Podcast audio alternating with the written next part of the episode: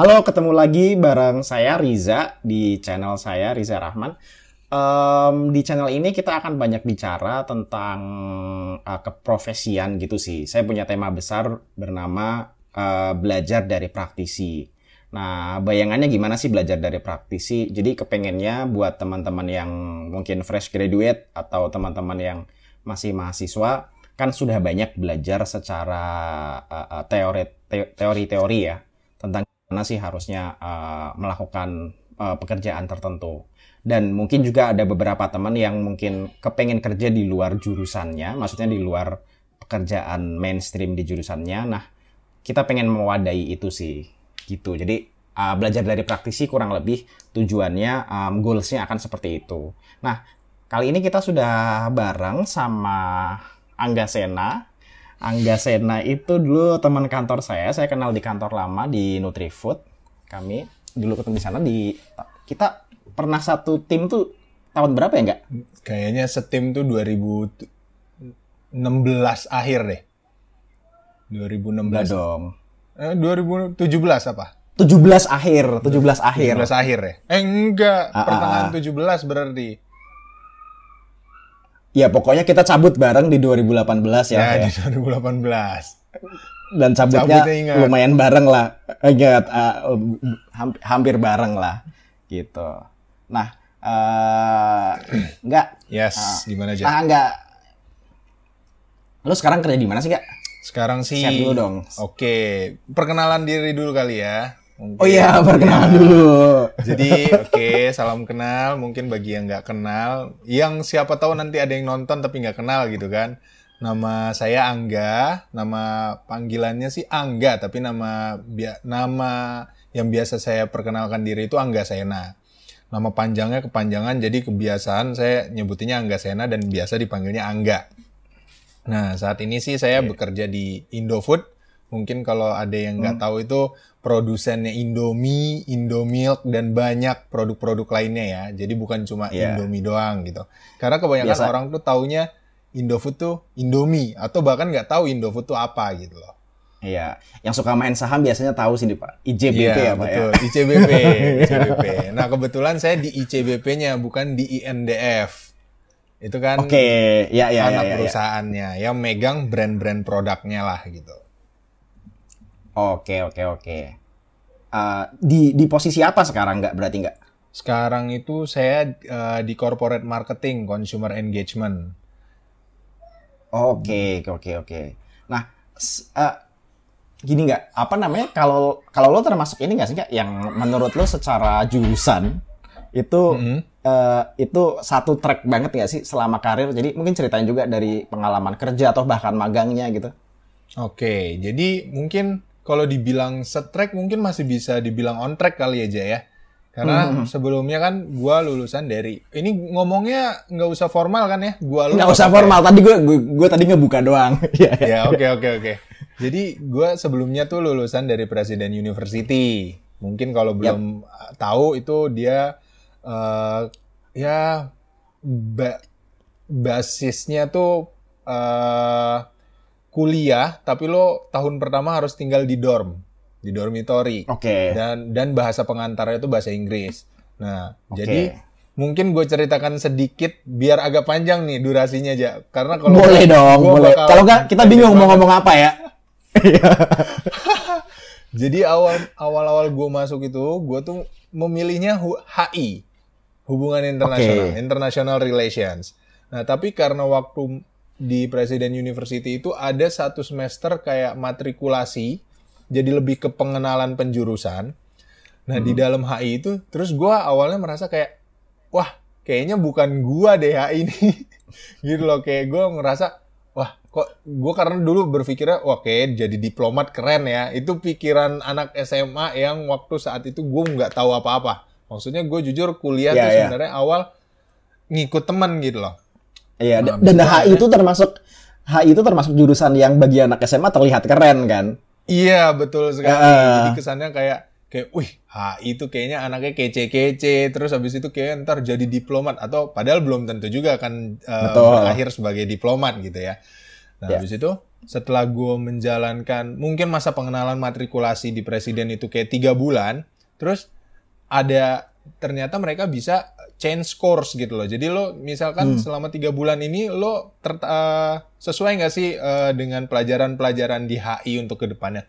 Gue terus ngeliat dan gue banyak karena uh, si pre, di Presiden University ini kan basisnya kayak di dormitory asrama gitu ya selama setahun. Hmm. Jadi tuh terus gue temen-temen gue tuh banyaknya anak PR, anak komunikasi. Oh, Oke. Okay. Ya yang di di asrama itu. Terus gue kayak ngerasa, hmm ini anak-anaknya asik.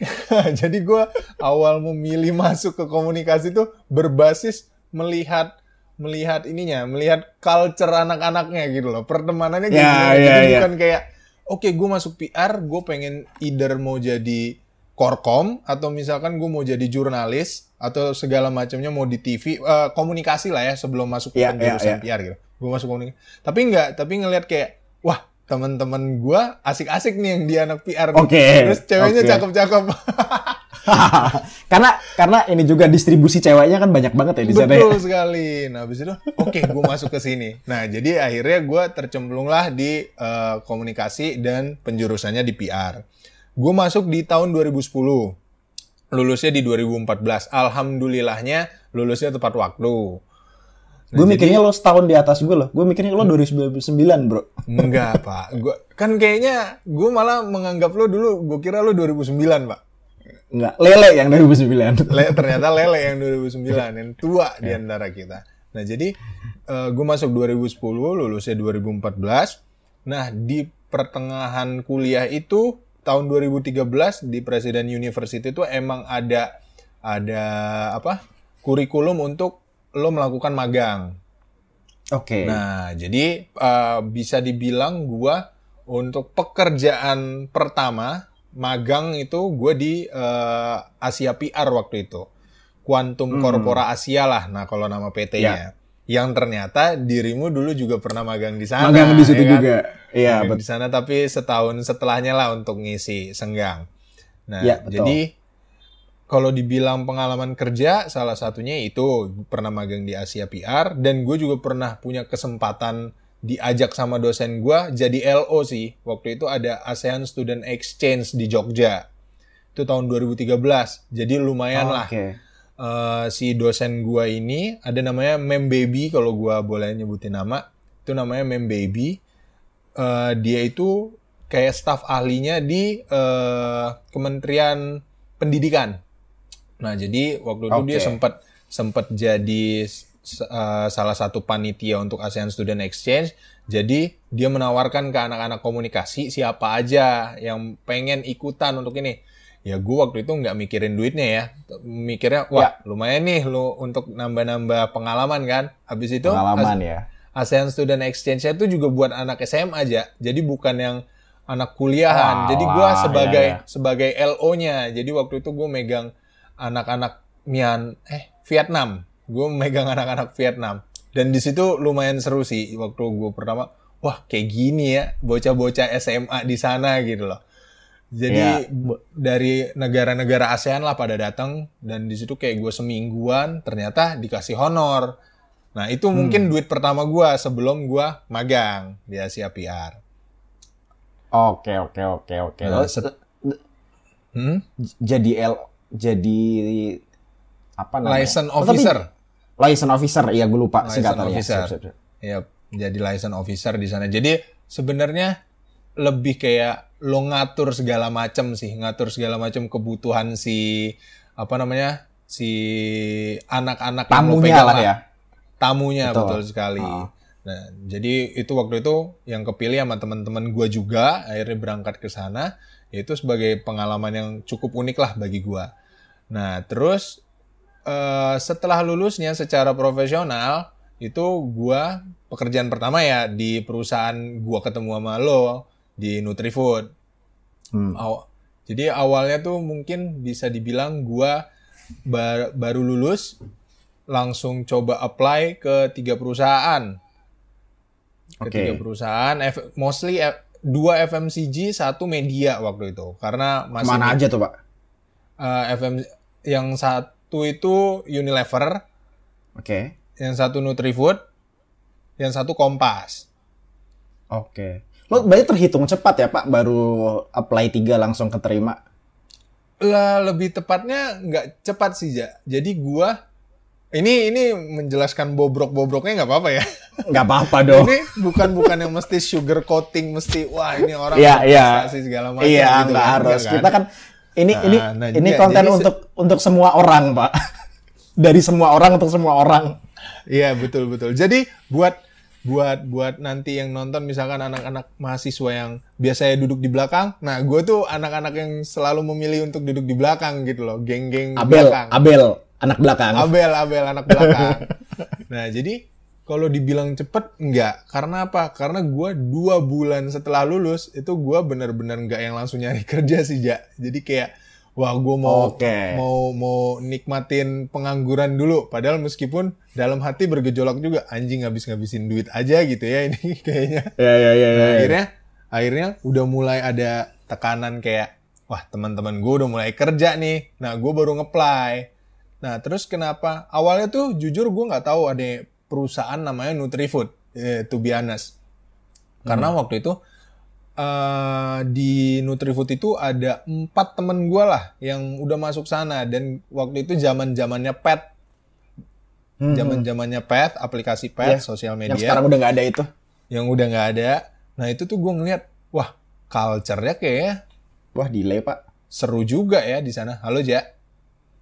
Ya, kedengeran ya? nih. Kedengeran. Oke. Tadi tadi sempat agak delay gitu sih. Mm-mm. Nah jadi pas ngeliat di Path itu gue melihat kayak, wah culture-nya perusahaannya kayak seru nih gitu kan. Jadi ada temen gue yang di sana sama salah satunya Yonas, Yonas Kobam lo tau nggak? Tahu, tahu, tahu. Oh, dia teman Ah. lo. Iya anak presiden juga. Dia anak presiden. Oke, tahun pertamanya satu asrama sama gue. Terus gue ngeliat, wah culture-nya ini ya kayaknya masih anak muda anak muda semua gitu kan. Hmm. Nah akhirnya gue tanpa sebelumnya gue mencari tahu lebih detail, gue beranikan diri lempar. Toh namanya juga masih fresh grade ya, lempar aja deh Ya. mana aja gitu. Nah tapi emang tiga yang baru gue lempar itu tiga itu sih. Nah mungkin juga karena kontribusi dari teman-teman gue yang sudah masuk lebih dulu mungkin ya. Jadi mungkin gue ada kans untuk dipanggil interview gitu. Mungkin teman-teman gue kinerjanya bagus di perusahaan itu, jadi bisa mendomplang lah nama uh, lulusan Presiden University gitu kan. Nah akhirnya Iya, iya. gue Unilever nggak tahu tuh gue belum belum sem- apa belum belum ada proses apa-apa karena gue baru cuma ngelempar aja kan. Kompas sudah sempat uh, Kalau nggak salah ini kan ya. Mm-mm. Ada Ah, Kenapa tes online dulu kalau nggak salah ya? Tes ada ada dulu U-. U- Ah. UFLP kan fra- Iya, apa? iya. ya yang Future leader le- leader itulah M future leader Unilever program Future Leader Program ya. ha. yes nah jadi gue udah nyok masukin situ tapi eh, kayaknya waktu eh gue udah pernah bahkan sampai eh, ada tes gamenya gitu dia online.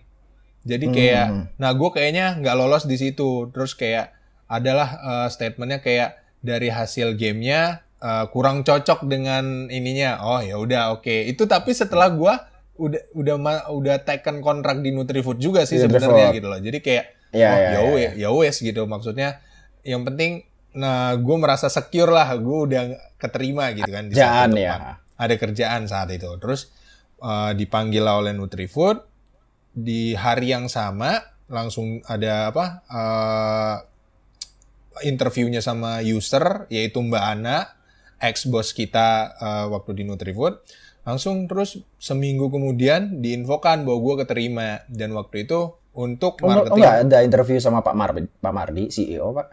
Oh enggak, itu mungkin yang orang-orang terpilih aja yang interview sama Pak Mardi. Seangkatan gue di interview sama Pak Amardi semua. Pak Mardi gue. semua ya? Hah? Kecuali lu? Wah, lu bukan terpilih dong. gue karena udah ketahuan bakal ditaruh di di di Jawa Tengah di di Ah. Purwokerto waktu itu kan gue kan kayak uh, bottom up gitu kan seleksinya Hmm, Uh, pertama tim Jawa Tengah nyari dulu buat Oh, gue iya, iya, Bu- iya. jadi gue nggak apply uh, via web website waktu itu jadi gue di interview dulu di di Jawa Tengah habis itu baru menjalani tes seperti kalian semua lakukan di head office Oh, oke oke oke. Uh, dan Iya, gue iya, udah iya. tahu ketahuan tuh masuknya tuh MPC gitu kan Hmm, hmm. Uh, jadi Ya. mungkin itulah jadi tidak ada interview dengan beliau gitu. Oke oke oke. Ya, jadi dia waktu angkatan gue pun juga nggak ada interview sama sampai Pak Mardi sih. Jadi benar-benar cuma sama HR, uh, Cidian, habis itu langsung ke uh, Mbak Ana. Itu kayak prosesnya Ya. langsung satu hari tuh. Jadi kayak saat itu, Oh iya?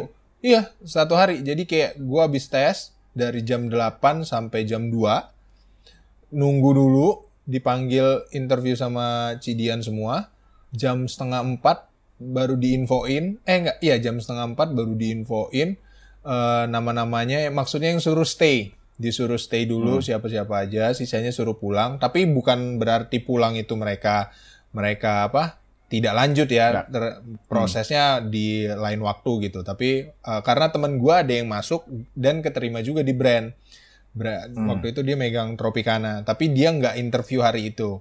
Nah, terus gua ada dia cuma tiga bulan di sana. Aswin, Oke. Aswin Antoni, dia cuma tiga bulan megang Tropicana, terus pindah ke L'Oreal. Hmm. Nah, oke, udah setelah itu udah seharian udah ngurusin, langsung seminggu kemudian langsung ada offering, ya udah mulailah gue bekerja di marketing promotion. Marketing promotion koordinator di Nutrifood. Ya, lo di mana? Indonesia bagian terindah ya kalau salah. Wah, bagian terindah. Enggak, tapi gue kan bisa dibilang pengalamannya empat tahun ja- di sana kan di marketing promotion. Jadi gue pertama kali itu, eh, jadi banyak sih gue ketemu leader-leadernya di apa berada di bawah leader-leadernya Nutrifood gitu loh. Tiga bulan Ah, pertama, ganti-ganti. satu bulan pertama itu waktu pas masih OJT. OJT, itu gua- ah. Ya, gue di Jakarta, under Mas Riyad. Oh, sam- sem- oh sempat sama Mas Sempat sama Riyad. Mas Riyad, tapi waktu itu Ini sebelum dia ke Amerika ya? Wah jauh sebelum dia ke Amerika. Oh, lo Jauh. masih ke Senayan gitu nggak sih, Pak? Ke kantor Patal Oh Senayan? enggak, itu gua gua enggak enggak enggak enggak. Jadi gue cuma sebulan di Rawa Bali. Ah. Randy Lele, Di Rawa- dia tempatnya di Patal Senayan. Kan gue sangkatan sama Randy Lele tuh, beda Oh, Oke. beda 3 4 hari lah gitu gue masuknya sama dia.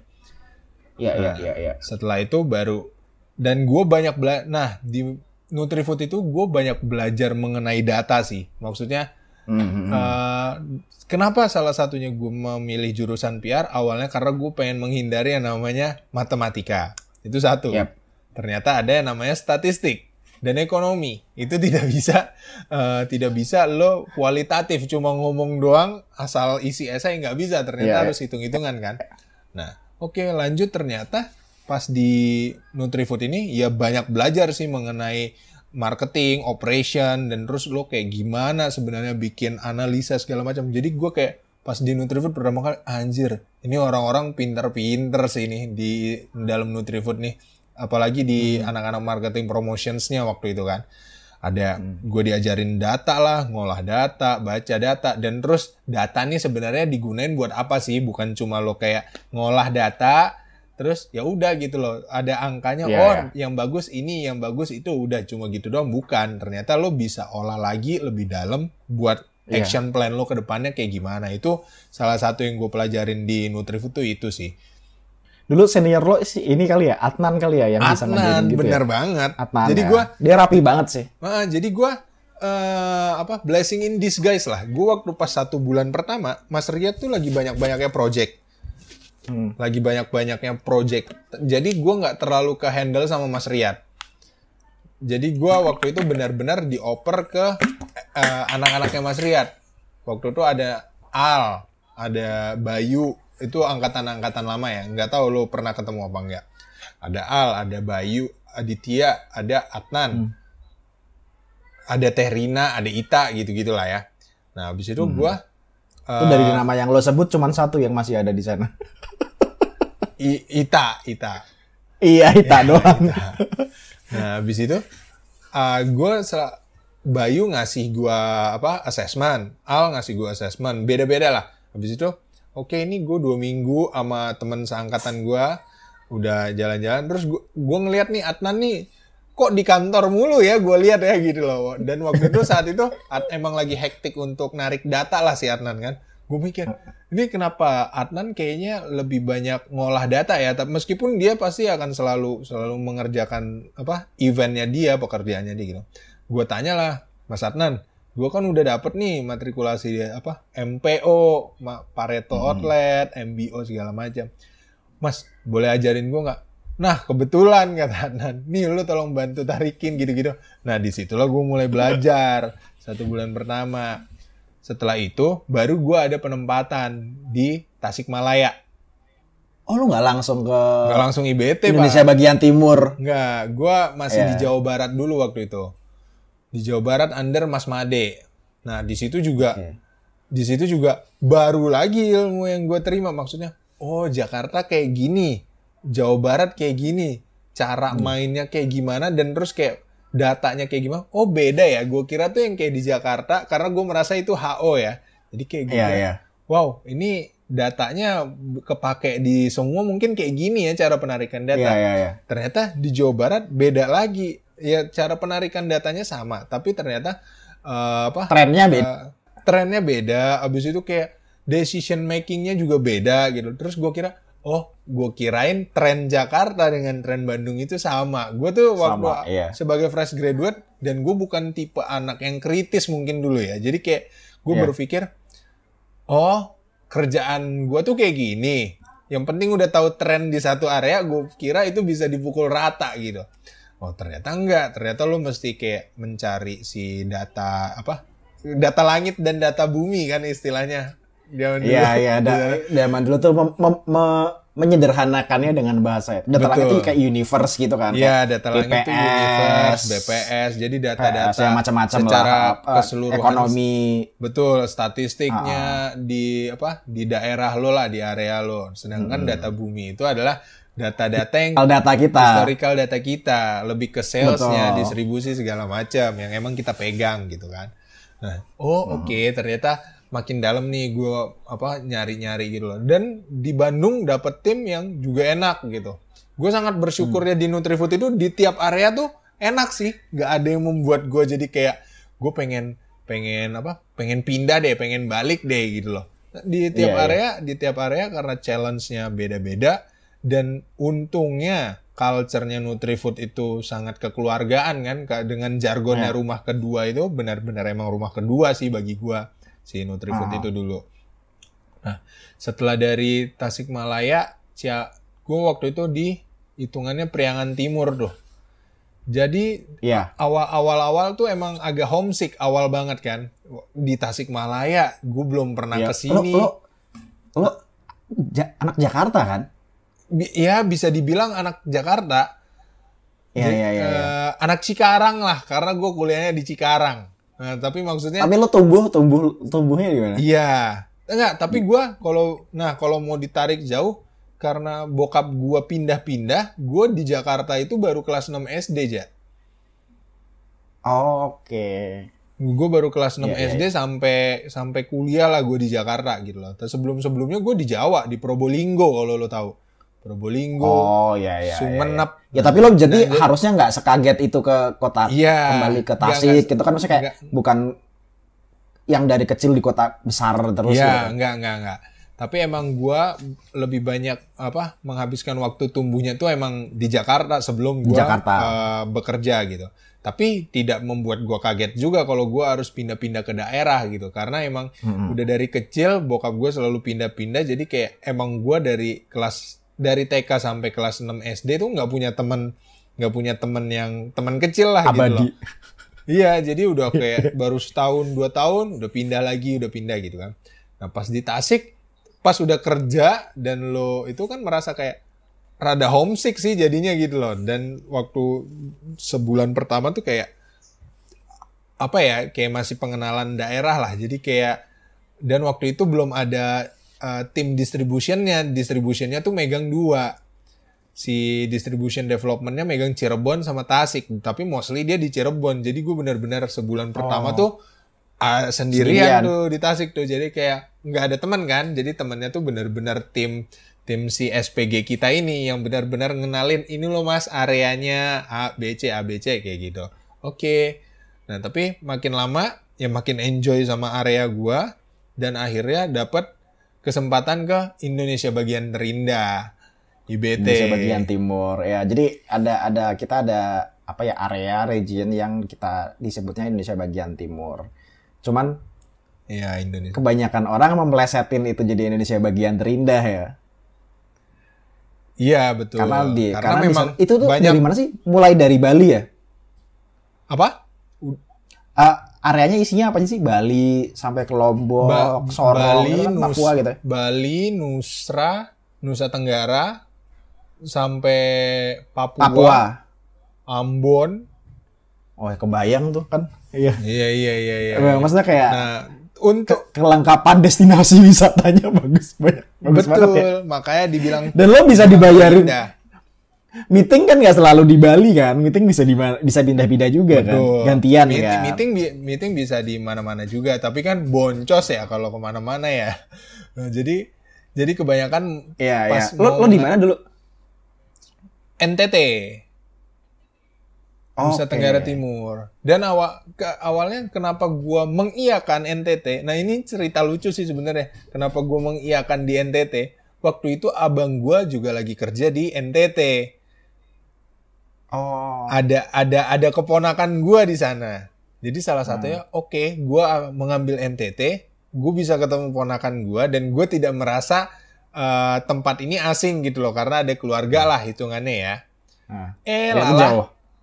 nggak, gua nggak dekat-dekat maksudnya gua apa ngekos di dekat-dekat apa eh, kontrakannya dia lah di sana tempat kerjanya dia.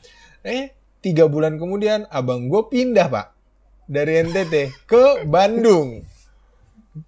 Ke Bandung di tempat di mana gue sebelumnya eh, regionnya Jawa Barat pindah ke NTT sedangkan abang gue dibalik dia pindah ke Bandung gue pindah ke NTT terus gue kayak ya anjir kayak gini gue jadi merasa asing nih gitu loh masih. Iya, tuh iya. kayak kayak masih gue baru satu bulan di sana tahu-tahu dia terima TR tugas apa surat-surat penugasan untuk untuk pindah gue cuma baru ketemu sebulan nih gitu loh maksudnya Ya, ya. kondisinya juga gue belum waktu itu emang istri kakak gue juga lagi di Bandung karena lagi hamil besar kan maksudnya pengen pengen Oke. melahirkannya di Bandung gitu eh terus dapat surat penugasan ke Bandung gue belum ketemu ponakan gue di NTT nih maksudnya belum liburan di NTT Iya, iya, iya, iya. ponakan udah ditinggal gitu kan kayak wah ini emang emang apa semesta kurang mendukung nih kayak waktu itu gitu loh nah untungnya NTT gue merasa hampir merasakan dari semua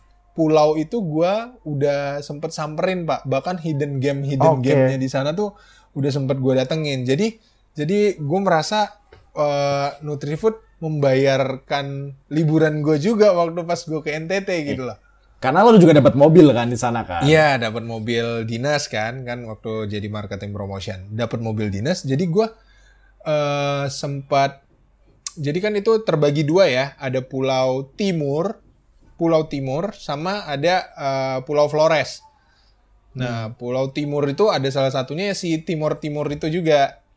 Hmm. Nah, jadi tuh ada perbatasannya, tapi gue cuma main sampai ke perbatasannya paling jauh di Pulau Timur. Nah, kalau pas Flores waktu itu emang lagi ada kunjungan dari Mbak Ana. Emang kita lagi mau market visit, jadi ya udah akhirnya kita market visit dari ujung ND, eh iya dari Atambua sampai ND, dari ujung ke ujung. Dan habis itu kita berakhir dengan dengan budget sendiri, berakhir lanjut ke Pulau Komodo, Pak. Berlibur tapi saat Berlibur. itu. Berlibur. Oke, oke, itu dengan oke. budget sendiri. Ah. Nah, jadi, mungkin ini juga buat bayangan ini sih bro, apa buat bayangan teman-teman mungkin yang masih fresh grad atau mahasiswa. Jadi kadang tuh eh, orang tuh pada pengen tuh kan eh, penempatan di kantor pusat. gitu. Iya, betul sekali. Benar, Padahal benar. Semua Ini semua orang baru lulus tuh kepikirannya kayak di Betul, kantor betul, pusat betul. gitu-gitu kan. ada Nah, sebenarnya miskonsepsi di situ. Iya, padahal nggak nggak nggak semuanya tuh kayak ini kok apa namanya kayak yang di area-area tuh juga men- menyenangkan kok bahkan beberapa beberapa bos gue tuh kayak nggak mau nggak mau di kantor pusat karena dia pengen keliling Indonesia aja dengan apa namanya ah, men- menjadi bagian dari masyarakat di berbagai daerah terus bisa sambil jalan-jalan gitu kan. Betul, betul. Kayak waktu itu kalau nggak salah eh, Mas Steven pernah nge-share di, di di salah satu sosmednya kayak eh, provinsi yang pernah gue tinggalin, kota-kota Yes. yang pernah gue tinggalin, yang pernah gue lewatin, bukan hanya kalau tinggal kan harus menetap Harus gitu kan. menetap. Kayak yang pernah gue kunjungi. Jadi kayak anjir udah banyak banget ya dia udah pindah-pindah ke mana-mana kan Sumatera satu pernah, Jawa Tengah Iya. pernah, Uh, terakhirnya di Jakarta, Ja- Jawa Timur pernah nggak ya? Jawa Timur. Terus di- Kayaknya sebelum itu dia pernah di Jawa Timur sebelum Iya, masih Manado, koordinator eksekutif. Oh iya, uh, terus Manado pernah kan? Nah, Ah, jadi kayak waktu itu kayak wah ya memang kayak seru aja sih kalau kayak gue tuh nggak seru karena gue pertama di Jawa Tengah habis itu di Jabodetabek kayak anjir Ah, kayak iya, hambar langsung gitu loh kayak orang orang Jawa tetap di Jawa Jawa aja iya, tuh iya, kayak di iya. Pulau Belum- Jawa nggak keluar lah ya. belum keluar padahal kayak gue dulu mungkin salah satu hal yang gue diterima di situ tuh ini sih nggak apa namanya karena gue punya pengalaman waktu itu waktu di di interview tuh gue banyak di, dikoreknya adalah pengalaman gue KKN di Sulawesi Selatan Oh, Oke. Jadi begitu dia lihat CV itu, terus Hmm. di interview Mbak Ana tuh langsung nanya, berarti kamu sudah ini ya, nggak ada isu lah ya kalau tinggal di Penempatan di tempat luar. yang jauh, terus terus juga agak kaget kan, ya nggak Sulawesi lagi juga sih, gue, gue di sana dua bulan doang kan, gue KKN di sana dua bulan, terus kayak setiap kebetulan koordinatornya gue, jadi gue memberikan membuat membuat aturan, oke pokoknya hari Senin sampai Sabtu kita ngerjain sesuatu, eh, Minggu atau Sabtu Minggu kita harus jalan-jalan tiap week pak. Jadi kalau lo lihat eh, peta Sulawesi Selatan itu tuh Udah gue udah pernah ke sini, udah pernah ke sini. Karena waktu gue cuman Dua bulan. eh, dua bulan gitu Iya, kan. iya, gue udah iya. pernah ke sini, udah pernah gue pernah ke apa namanya Tanjung Bira, Oh, terus oke. gue pernah ke eh, Toraja, terus gue pernah ke aduh gue lupa salah satu danau yang paling luas di Indonesia setelah Toba kalau nggak salah dua atau tiga Toba. Yang Oh Sorowako. bukan? Apa? Sorowako, Sorowako namanya. Heeh, dan itu kayak nyewa mobil, jalan, nyewa mobil, jalan, nyewa mobil, jalan gitu sih. Iya. Cuman pas di- di Toraja gue, pas di Toraja gue nggak dapet upacaranya sayangnya juga. Oh, Jadi cuman oke. kita mengunjungi. Eh, teman gue ada yang dapet karena kita nggak bareng kayak 20 orang dipisah ke dua desa terus pas mereka jalan-jalan ke Toraja mereka dapet, gue nggak dapet. Oh, oke oke oke. Uh-uh. Nah, tapi sebenarnya gue seneng sih begitu. Cuman kayak, aduh, gue takutnya kan, gue belum tahu ya bahwa ternyata secepat itu juga bisa dipindah. Kadang setahun dari dipindah gitu kan enggak ya. Betul. Ya, Nah, kalau gue tahu setahun mungkin gue kepikiran juga sih ke Indonesia Timur gitu. Cuman gue mikirnya, aduh, ntar kalau empat tahun gue di sana terus kayak gue juga tetap bosen juga kan gitu kan. Ya iya iya. iya. Gue waktu itu eh cuma 8 bulan sih waktu itu di NTT. Under Iya, iya, iya, under setahun habis itu balik ke Jakarta. Ke Iya, iya, megang di CPA waktu itu kan departemennya. Nah, Ya, jadi dan kayak ini juga hmm, dan jangan khawatir kayak ada ba- bayangan kayak kalau di headquarter di head office di kantor pusat tuh ngomongin strategi terus yang di area yang pelaksana sebenarnya nggak gitu-gitu amat Iya. kita juga banyak Benar, belajar benar. strategic thinking kan malah malah Maksudnya kayak kayak data- malah yang di apa HO da HO atau headquarter lah sebut istilahnya yaitu insight-insightnya kebanyakan dari area juga malah gitu. Dari area juga bahkan ha, jadi kayak nggak selalu yang kayak Nggak selalu. nggak selalu yang bener-bener dari Yes, pusat jadi- gitu sih. jadi nggak mungkin selalu kalau- top down. Betul. Jadi mungkin kalau buat temen-temen ini yang nonton nih dia nanti ke depannya kalau misalkan fresh graduate atau yang mungkin masih semester akhir dan akan berkarir gitu ya kalau emang ada penempatan di luar you should try sih. Maksudnya selama masih muda Iya. satu belum ada Iya tanggungan benar. Dan betul. lo- jadi lo benar-benar eh, bisa mengeksplor lah Indonesia. Itu jadi kayak keuntungan beker fresh graduate dan waktu itu gue kerja di Nutrifood itu adalah itu. Jadi gue waktu itu gue masih pengen jalan-jalan. Karena waktu gue setelah lulus pun gue dua bulan masih hura-hura jalan-jalan dulu masuk Nutrifood dapat di Jawa Barat tapi Jawa Baratnya bukan Bandung kan Tasikmalaya, Ciamis, Banjar, Garut. Nah, jadi itu gue kayak jalan-jalan juga. Oh, ternyata ada nama Desa Naga di Tasik. Lu nggak tahu kan? Desa Naga tuh apa? Gue kira itu isinya naga atau apa. Dia mesti turun ke bawah curam dalam gitu. Nah, ternyata itu desa yang belum ada listrik. Jadi kayak benar-benar desa, masih desa, apa namanya? Desa zaman dulu banget lah pakai api gitu pak pakai api, pakai obor gitu-gitu, Pak. Jadi gue usut Oh, punya itu usut. naga gak? naga dari situ kali pak Enggak, karena enggak. banyak api Bukan, usut awalnya gue kira juga gitu. Apa Iya. karena ini mereka pakai obor jadi dipanggil naga gitu ya? Bukan, ternyata Iya. naga tuh nagawir. Bahasa Sunda Ah. yang artinya pinggir. Ya, ya, ya, Jadi emang posisinya tuh dia di pinggir jalan, tapi di dalam jurang, mesti turun pakai tangga curam gitu. Nah itulah desa Nagawir, tapi dijadikan dan nama destinasi sebagai desa naga gitu. Nah jadi kayak kayak di da- di area itu nggak tidak seburuk yang kita pikirkan kok. Gue pun dulu mungkin benar, benar, benar. mungkin juga berpikir mungkin kayaknya kalau orang area tuh pikirannya jadi kayak orang sales kali ya, distribusi Iya. kali ya atau apalah Iya, segala iya, macam. Enggak, tidak tidak se tidak se apa? Tidak se sepele itu gitu loh pekerjaan kalau Iya. di area. Bahkan tidak tidak kalah tidak kalah hektiknya dengan mungkin di head office yang memikirkan Head office. strategi gitu loh. Mungkin kalau head office mikirin strateginya secara holistik, di area pun kita memikirkan secara holistik, tapi di area itu dan itu bisa Iya. berkontribusi secara eh, strategi holistiknya si orang HO gitu kan. Iya. Jadi sebenarnya bagi temen-temennya Riza atau junior-juniornya Riza atau junior gua nih nanti kalau ada yang nonton gitu kan, ya kalau misalkan ada tawaran untuk apa eh, penempatan di area, ambil sih, kalian coba sih. Maksudnya ya udah eh, nothing tulus juga kalau misalkan selama Iya. Kalau nggak kalau nggak cocok tinggal pindah. Betul, maksudnya selama periode probation kan cuma tiga bulan, yakin banget sih lo diterima karyawan tetap ya nggak, Ja? Maksudnya kayak Iya, benar. probation kayak yakin banget sih lo diterima karyawan tetap. Ta, selama dapat, da- maksudnya istilahnya selama dibayarin, lo kan probation, dapat gaji, lo di daerah. Kalau lo misalkan merasa tidak cocok, ya sudah lo tinggal ajukan uh, pengunduran diri saat probation gitu loh. Itu tidak menyalahi aturan dan Aturan. Iya, tidak menyalahi aturan dan tidak mencoreng nama lo juga karena kan saat probation itu percobaan, cocok nggak cocok. Iya. Emang sih nggak semua Betul. orang mungkin cocok di area, tapi tidak ada salahnya saat ada penawaran-penawaran mau nggak ditempatkan di area A, area B.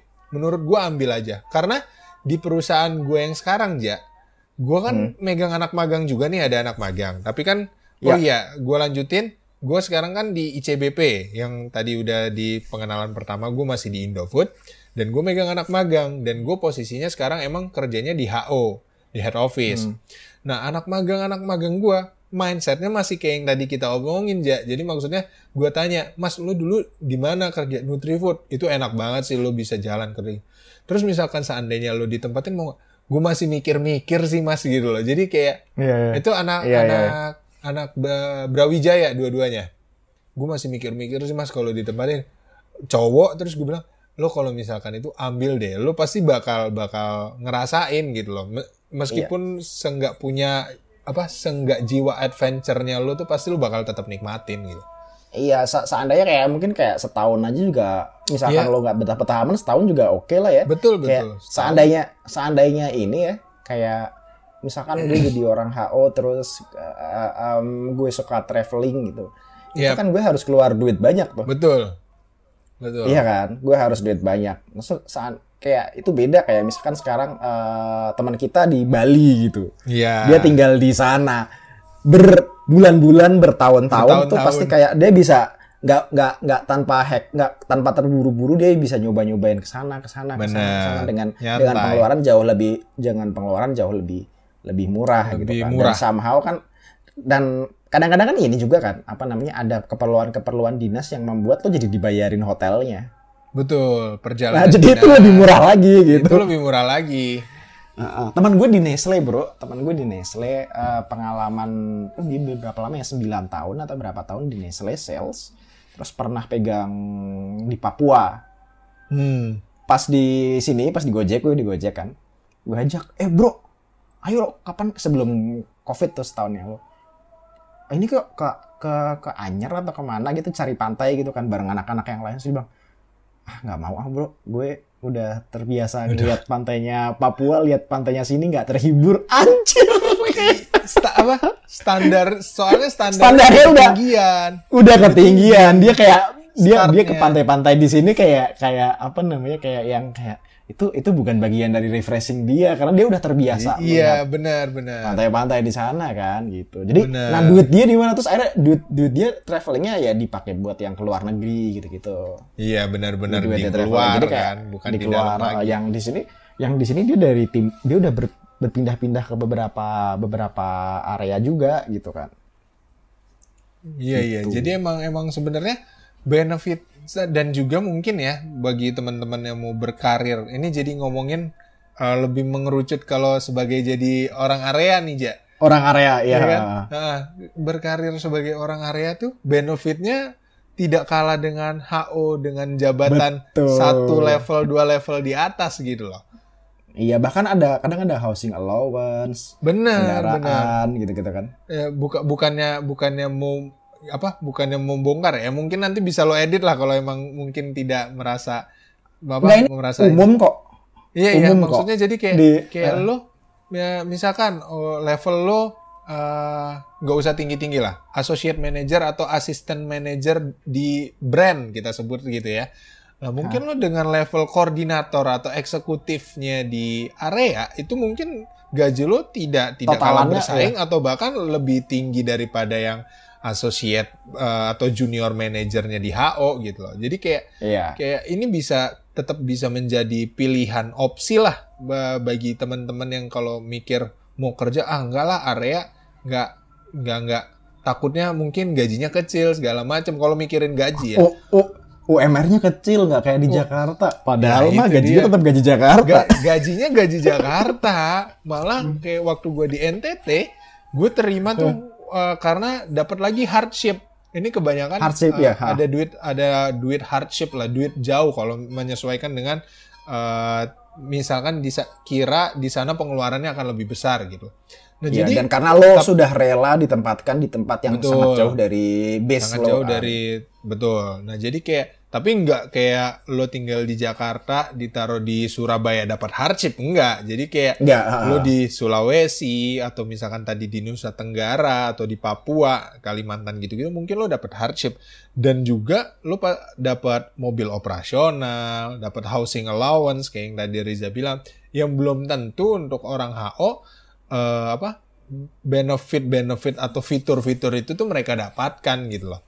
Jadi kayak kayak sayang sih kalau misalkan Benar. masih menutup mata ngelihat kayak ah area kayaknya level terendah, seksi. terendah, level terendah terendah gitu kan ya kayaknya Iya. level terendah deh di area tuh gitu. Wow, jangan salah Anda. Gue gue gue gue pas dari Jateng pindah ke ke ke Jabodetabek itu rugi bro secara Iya. finansial Benar-benar jatuhnya rugi rugi Jatuhnya rugi gue tabungan gue jadi anjir di sini apa apa mahal Terus, Benar. uh, gue masih beruntung bahwa tidak harus mikirin transportasi karena Iya. mobil tol uh, bensin dan lain-lain bahkan parkir kan bisa diklaim kan Nah, Iya. tapi maksud gue kayak bayangkan kalau gue pindah terus transportnya gue nggak di cover tuh kayak Betul. makin boncos lagi gue Makin dari boncos, pindah makin boncos. karena karena bi- bi- biasanya kalau perusahaan sudah nasional minimal apalagi multinasional dan kamu adalah kalian adalah karyawan tetap sih biasanya uh, tetap gaji standar ya gaji pokok Iya. standar nggak nggak mungkin nggak nggak terlalu ngaruh antara uh, UMK gitu tuh tuh nggak nggak Hmm. nggak terlalu ngaruh sih malah kadang justru karena di area karena lo sudah rela bekerja di di area gitu di tempat yang jauh kadang malah dapet tambahan allowance allowance tambahan yang mungkin orang-orang yang di HO nggak dapet gitu kan Betul. itu kan sebenarnya- kalau manajer-manajer manajer-manajer di HO di company kita yang dulu itu kan sama-sama dapat COP tuh car ownership Iya. program sama kan semua manajer dapat nah tapi perkaranya kalau mereka nggak bisa klaim Betul. nggak bisa klaim, bisa klaim. bensin Karena servis gitu-gitu kan Yes, karena sebenarnya di area bisa. kena- kenapa kita bisa ngeklaim? Karena sebenarnya emang kerjaan kita tuh nggak ada di kantor. Dan kita hitungannya Iya. nggak punya kantor gitu loh. Karena emang harus Mhm. lo ke distributor salah satunya, lo harus ke outlet, harus ketemu Iya. sama third party untuk kegiatan-kegiatan kita, entah instansi pemerintahan atau swasta yang bakal support kegiatan kita. Jadi emang sebenarnya bukan bukan apa? Bukannya kita jadi dibayarin di, disalahgunakan ya maksudnya untuk si Mhm. allowance bensin segala macam, tapi emang pekerjaan di area itu menuntut kita untuk seperti itu Untuk gitu. itu betul Jadi bukan yang kayak oke, gue mau ke rumah kantor, rumah kantor, jalan-jalan ah, nggak kayak gitu. Tapi Emang Iya. karena Da- karena emang KPI-nya salah satunya itu strategic alliance istilahnya kalau di di Hmm. Iya, Nutrifood. iya. Strategic alliance Betul. kita harus membangun networking itu.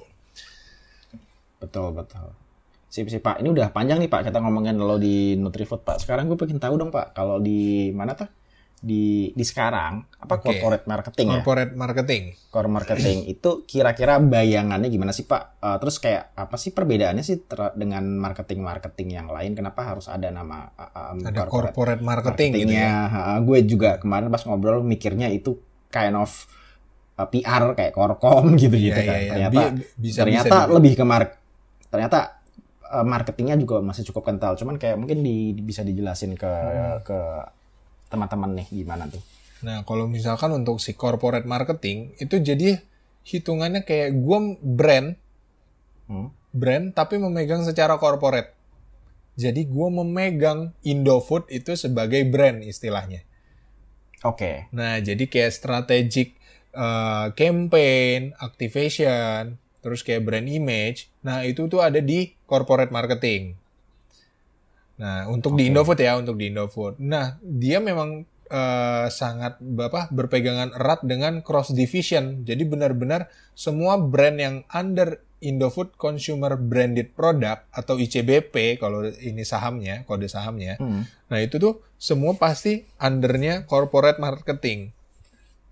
Jadi Hmm. gua hitungannya salah satu eh, apa ya, yang inilah jaga gawang lah. Maksudnya segala Hmm. sesuatu pasti kita akan terupdate. Misalkan kayak si brand yang baru-baru inilah ada Indomie Mie Getty kan. Kalau lo tahu. gak tau gak tau Nah, itu Indomie hype abis, uh, varian hype abis yang rasanya Oh, gue- mie ah. Getty, mie Getty, mie spaghetti. Nah, jadi itu kayak hal-hal kayak gitu. Corporate marketing pun involve, tapi lebih untuk kayak, oke ini gua bakal naikin, naikin apa? Naikin value-nya dari segi apa ya? Apakah dari segi PR atau dari media atau dari activation atau dari sales. Tapi karena corporate marketing ini lebih supporting unit, bukan yang benar-benar kegiatannya itu berpengaruh langsung ke bisnis.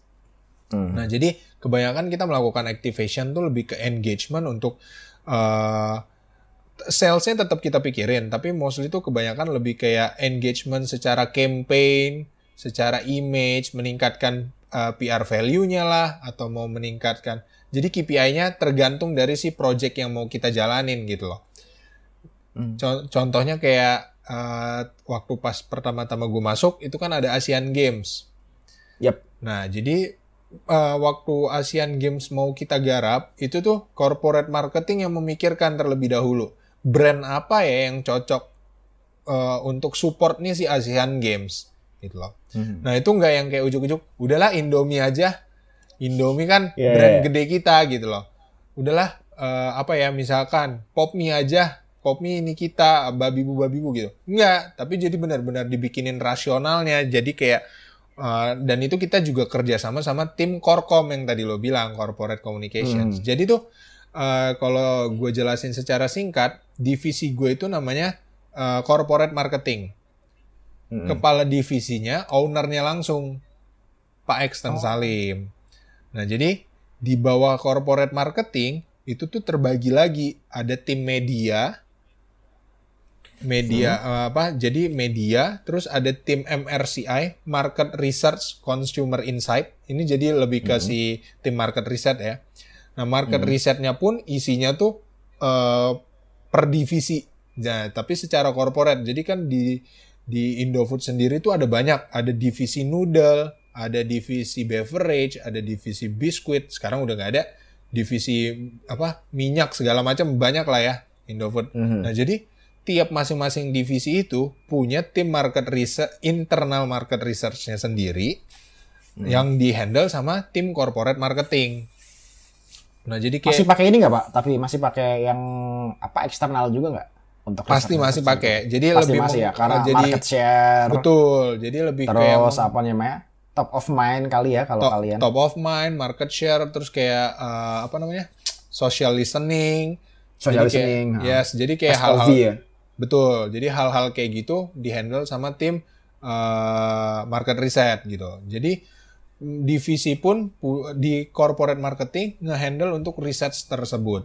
Nah, gua dari media dari market research ada namanya consumer engagement. Nah, Hmm. gua ini berada di consumer engagement.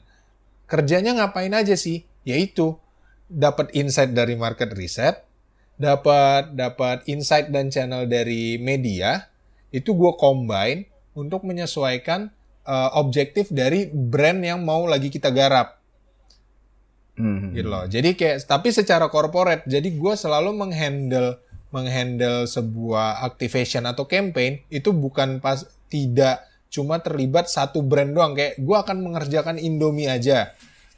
Gue akan mengerjakan misalkan Indomilk aja enggak. Jadi misalkan kegiatan yang disupport Indofood tapi memegang brandnya tuh lebih dari satu. Misalkan kayak Asian Games lah ya yang uh, sangat gamblang terlihat jelas gitu kan. Kayak Asian Games eh, oke yang cocok kayaknya Indomie, Indomilk, Citato dan Popmi. Kenapa? Yaitu kita bikin rasionalnya dan mesti mesti gua ajuin juga gitu karena bukan uang sedikit kan untuk support Ya, Asian betul. Games saat itu.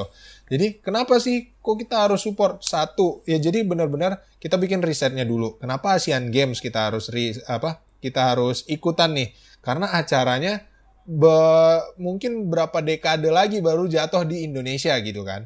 Ini Betul. kayak kesempatan sayang banget kalau misalkan Indofood sebagai salah satu produsen makanan terbesar punyanya Indonesia gitu kalau kita nggak join ke sini itu kayak kehilangan momen banget gitu loh dan ini ditontonnya sa- sama negara-negara ASEAN Negara Bahkan- lain. betul bahkan bukan ASEAN doang mungkin internasional Asia pun kan? melihat gitu loh ada di sini Ah. Nah, habis itu oke lah, kita harus support kenapa? Terus kenapa harus brand-brand ini? Ya udah, sesimpel kayak ya udah brand ini tuh yang udah punya nama di kita gitu loh. Gak mungkin dong gue masukin misalkan kita masukin Bimoli deh. Oke dia Hmm. punya nama, tapi relevan gak ya sama acara olahraga gitu loh? Benar. Iya nggak? Maksudnya ini Ya, ya. minyak, tapi kok lo a- acaranya acara olahraga. Tapi Indomie kan karbo, MSG. Nah itu masih banyak ya apa harus ada pengedukasiannya lagi gitu loh. MSG atau karbo ya nggak ada yang jahat di situ. Asal lo makannya apa benar-benar lo kontrol segala macam. Nah jadi pemilihan brandnya pun mesti kita pikirin dan juga kita kerja sama-sama Korkom how to avoid avoid apa PR mistake semacam itulah. Jadi misalkan ada Ya, ya. wah Indofood nggak cocok banget lah Indomie kok support support olahraga sih. Padahal lo sarapan pagi pakai Indomie bisa lebih semangat gitu loh. Maksudnya kayak oke Iya. perut kenyang, murah, tapi tetap ada gizinya. Indomilk susu dan kita kan juga support susu-susunya kemarin sih para atlet gitu. Jadi masih masuk, make sense. Terus kayak beberapa apa beberapa cemilan ya it's okay. Itu eh, benar-benar cemilan yang punyanya Indonesia gitu. Citato kan benar-benar punya Indonesia. Kenapa nggak Citos Citos punya Indofood juga gitu loh. Tapi bukan brand kita brand aslinya kita Citos itu kan. Jadi Oh. meskipun padahal Citos tuh kan men- lebih mendunia kan kalau misalkan mau Ya. ngomongin internasional. Enggak ya mau kita angkat tuh Indonesia. Maka dari itu kita pun juga kerjasama sama agensi agensi-agensi kayak activationnya sama uh, PR agensinya. Coba bantu gue KPI apa? Bukan KPI, goalsnya pengen campaignin tentang Indofood tuh uh, punya Indonesia juga dan maksudnya kita tuh bisa menyatukan orang Indonesia lah melalui Ya. uh, melalui makanan-makanannya Indofood di Asian Games ini gitu. Akhirnya setelah digodok-godok-godok-godok sama waktu itu gue sebenarnya nggak terlalu nggak terlalu into ya waktu Asian Games. Gue datangnya pas pertengahan mau berjalan Asian Games ya. Ya, Jadi ya. akhirnya digodok Gue inget sih momentum itu karena gue inget momentum itu karena eh, kita keluar dari company yang sama dulu tuh di waktu yang juga mirip. Betul. Bukan mirip, bahkan bareng, hampir bisa dibilang bareng, hampir ya. bareng, hampir bareng. Uh-uh. Jadi Jadi memang pas- waktu itu pun di di di tempat gue juga juga apa namanya lagi menyiapkan momentum itu. Cuman perkaranya waktu itu kan yang jadi sponsor tuh kompetitor tuh. Jadi justru Betul, kita bikin. betul. Jadi be- beda nih gak kalau di, di Ya, sisi lo- yang kita siapkan benar, adalah benar, benar. Unik, tandingannya. unik, unik. Yang kita siapkan tuh uh, uh, untuk counter itu kan. Jadi kayak Betul. justru kita udah yang dap- yang secara official mereka. Terus gimana sih hype-nya uh, riding the wave uh, di Asian Game ini uh, tapi justru kita yang nge-hack gitu loh. Justru kita yang dapat. malah lo yang dapat spotlightnya gitu kan. Iya, jadi waktu itu bikin hashtag anak bangsa bisa, terus Yo iyo iya. apa nah yang pakai yang kalau orang- orang-orang Jakarta tuh pasti banyak yang ngeh tuh kayak billboard billboard di titik-titik besar tuh kita pakein eh, kita bikin billboard tapi eh, eh, bentukannya tuh bentukan karangan bunga. Iya iya iya. Tahu tahu tahu Iya tahu iya. tahu. Iya iya. Nah itu jadi Iya, gue iya, inget sih tapi- pas momentum itu Mas pas pas lo masuk ke Indofood untuk nyiapin Indofood, Asian Games itu lo juga di juga saat gue masuk juga Gojek. masuk situ. Iya, itu Tapi sab- itu emang emang waktu itu pas Gojek sangat cukup neck breaker sih menurut gue kayak wow Gojek keren juga campaignnya gitu loh waktu saat pas gue apa lagi ngurusin apa Asian Games meskipun bukan sebagai sponsor gitu ya. Sponsor. Dan itu kan 17 spotlight. Agustus waktu itu. Iya betul. Tanggalnya Agustus kan. Jadi kayak spotlightnya kayak jadi justru kayak ya kita yang tuan rumah tuh kita Betul, gitu. spotlightnya dapat banget sih waktu itu Gojek. Gue juga lebih-lebih kayak ngeliat, padahal ini Grab kan yang sponsor, meskipun tidak langsung ke Asian Games-nya nih si Gojek sangat sangat mendapatkan perhatian sekali sih kampanyenya saat itu. Eh, eh, SOV-nya bagus kalau nggak salah. Share, share of voice-nya bagus. Share of gitu. voice-nya. Cuman cuman ya ya ya tapi kan harus menghormati aturan-aturan kan sehingga tidak betul. boleh menyebutkan Asian Games dan lain-lain gitu. Iya, kan nggak nggak nggak sehat juga gitu loh kalau misalkan lo apa secara gamblang Iya iya iya. Oke, balik lagi ke corporate marketing. Terus apa aja sih yang gue kerjain di situ? Beda banget sama kalau di area. Mungkin kalau di area, waktu di marketing promotions tuh hitungannya masih bisnis unit lah ya. Benar-benar gue bekerja mengejar mengejar target goals yang kalau misalkan dikonversikan itu akan menjadi value, value Ya. secara Revenue, secara omset, gitu ya. mungkin rupiah yang langsung uh, impact ke bisnisnya Indofood. Kembali Oke. ke yang tadi corporate Kembali. marketing tuh ya beda banget. Karena waktu yang di marketing promotions gue bisnis unit, kegiatan yang gue apa lakuin itu pasti uh, impactnya ke sales dan jadi revenue buat si perusahaan. Sedangkan kalau yang corporate marketing gue supporting unit. Jadi kayak saat ini si brand A dan brand B misalkan mau melakukan A, ya udah gua uh, coba membantu dari misalkan segi PR atau segi campaign-nya segala macam. Atau misalkan gua bikin new inisiatif. Coba kita kerjasama uh, misalkan licensing sama licensing A, misalkan yang udah pernah terjadi tuh kayak Tobot. Lo tau Tobot nggak? Enggak. Film tuh? film animasi anak-anak lah, kartun. kartun anak-anak gitu, Oke. 3D. Iya, Oke, oke. film.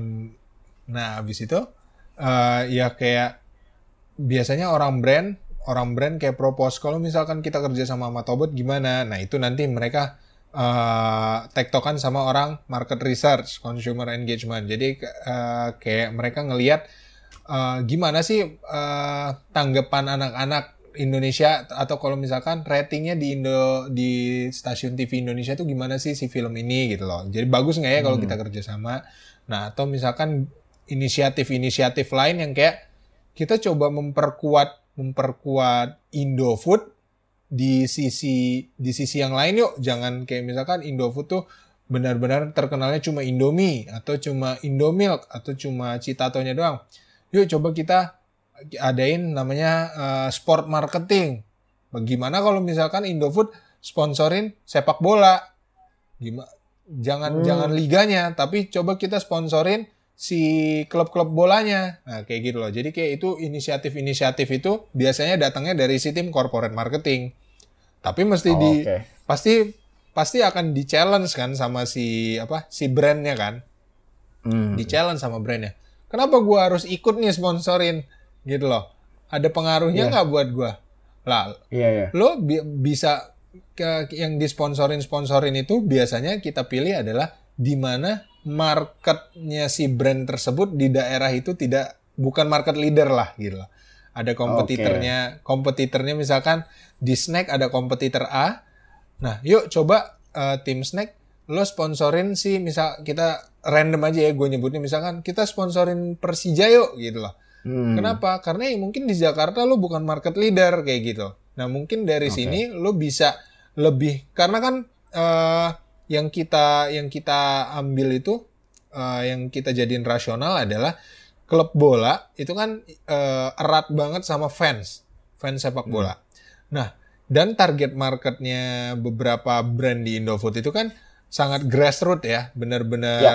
saya apa menengah menengah ke bawah gitu loh. Targetnya tuh benar-benar bukan yang apa namanya, bukan premium lah uh, produk-produknya. Jadi kita hmm. bisa ngambil pasar melalui channel si uh, sepak, sepak bola ini. Bola. Jadi hmm. benefit-benefit yang kita terima misalkan dari sponsorship sepak bola itu bukan hanya kayak logo, kita juga bisa maksimalin maksimalin si apa pemain-pemain sepak bolanya untuk ngendorse si brand-brand kita kan. Brand-brand kita. Bisa kita ya, pakai ya, untuk photoshoot lah segala macam. Jadi sebenarnya kayak hal-hal kayak gitu kita jadiin rasional.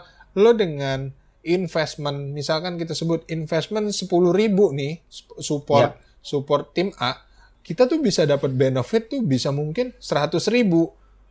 Mungkin kalau dari segi sales, kenaikannya eh, nggak yang signifikan 100 ribu persen kenaikannya. Mungkin hmm. bisa kenaikan 50 persen, 30 persen.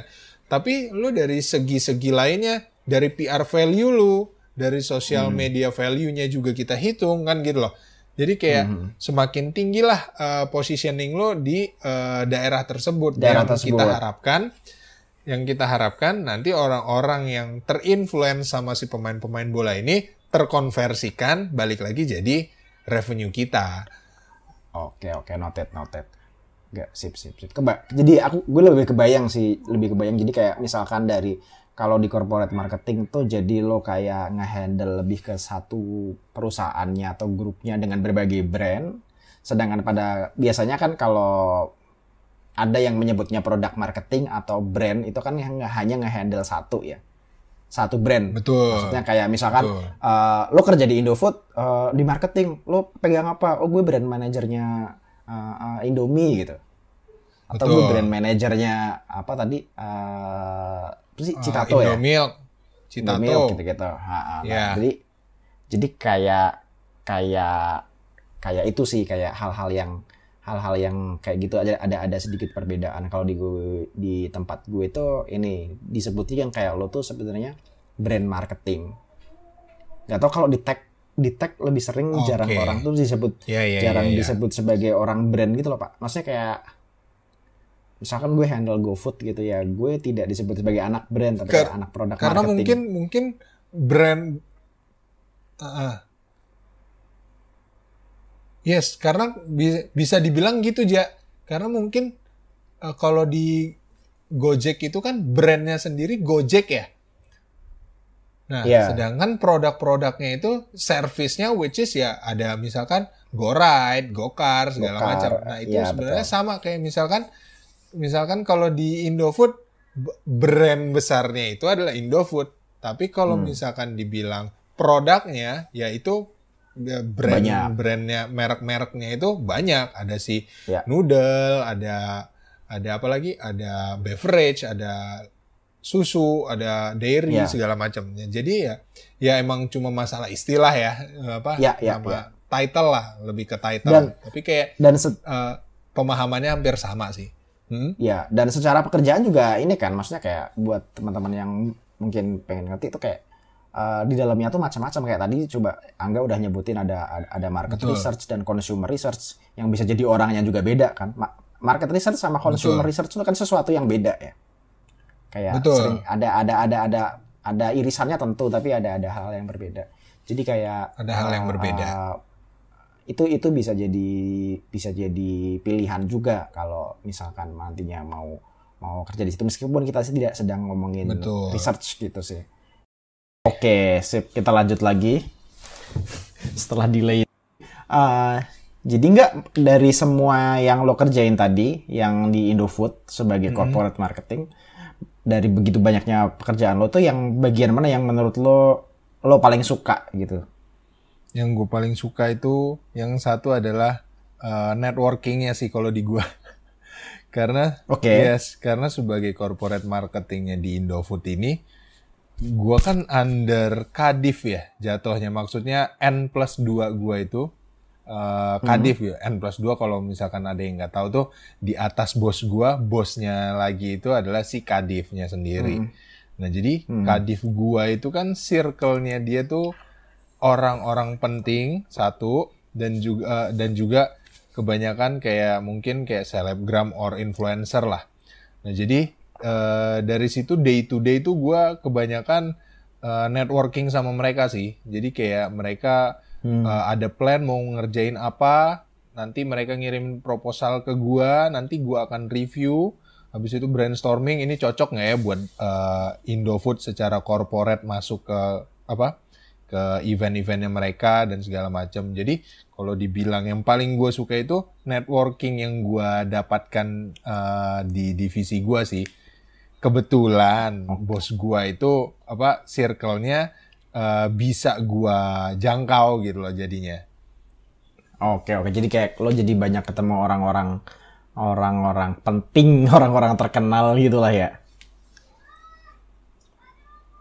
Iya, yes. bisa dibilang seperti itulah.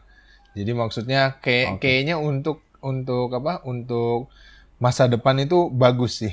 Jadi sebenarnya kalau secara strategik kerjaan hmm. gue itu uh, strategik tapi tidak nah balik lagi ya namanya supporting unit gitu loh.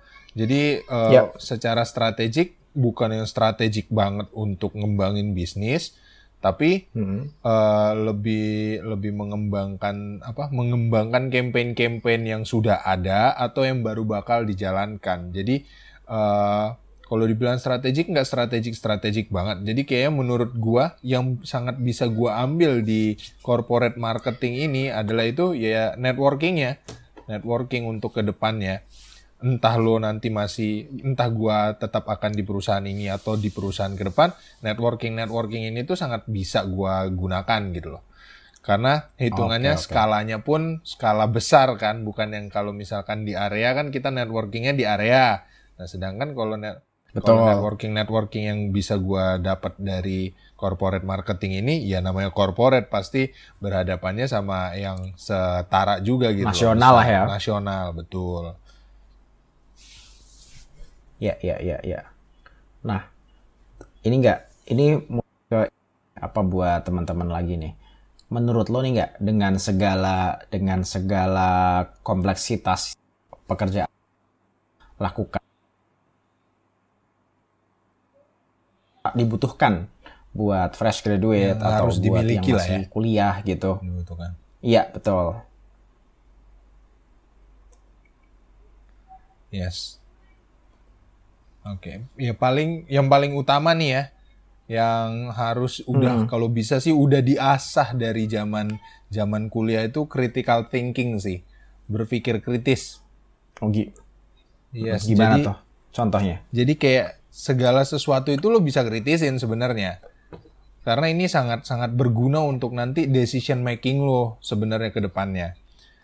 Jadi uh, karena hmm uh, bisa dibilang kalau misalkan saat fresh graduate dan saat lo ja, terjun hmm. ke misalkan marketing promotion atau uh, yang gue ya waktu hmm. pas fresh graduate marketing promotion ataupun nanti di corporate marketing kayak gue sekarang yang sangat dibutuhkan itu critical thinking sama logic thinkingnya sih maksudnya lo mesti kritis hmm. kayak misalkan kayak tadi di marketing promotion di Nutrifood lu mesti kritis ada data lu nggak bisa cuma telan mentah-mentah kan kayak data itu oh ya. uh, selama selama satu tahun ternyata sales gua uh, naik 10% gitu kan tapi ternyata di secara ya. nasional rata-rata naiknya 40-50% gitu berarti kan lu sebenarnya tidak perform that well, tidak perform sebaik itu gitu kan. Yeah. Jadi sebenarnya makanya kritisnya itu bukan yang kayak harus mengkritisi sesuatu, tapi lo harus ngelihat secara secara holistik. Jeli ya, lah ya. secara, ya. Betul. Jadi kayak lo mesti ngelihat kayak oke, okay, gua nih uh, dengan performa gua kayak gini sebenarnya tuh gua udah on track belum ya? Terus misalkan kayak lo untuk masalah yeah. data tadi ya kayak ini datanya tuh uh, berguna nggak ya buat gua? Apakah gua udah kerja capek-capek ternyata salah data atau misalkan tidak berguna sama sekali gua narik data? Apakah event gua ini berimpact sangat bagus nggak ya untuk bisnis uh, si perusahaan gua? Apakah ini sebenarnya sia-sia yang gua lakukan seperti itu loh? Nah, sedangkan kalau ya di dan juga lebih ke apa ya? mungkin lebih ke adaptasi sih untuk fresh graduate tuh mesti mesti yang paling utama tuh adaptasi harus bisa cepat beradaptasi.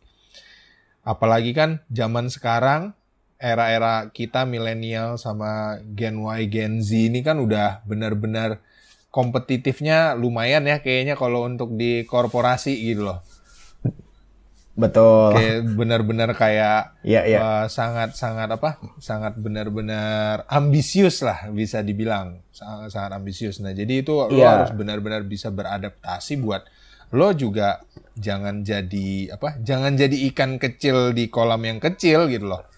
Kalau untuk fresh graduate nih misalkan baru masuk ke sebuah perusahaan, lo jangan ya kayak apa? Tidak mau berkompetisi, tapi kompetisinya ya secara sehat gitu loh. Jangan yang sampai sikut Betul, menyikut. di di generasi sekarang tuh ada yang beda adalah ini sih apa namanya Nah. ekspektasinya sih enggak. Mungkin kalau orang baru zaman aman eh, orde baru awal, orang-orang fresh graduate dapat kerjaan aja udah seneng syukur, kan ya. benar, Iya, benar, benar. ekspektasinya lo udah bersyukur.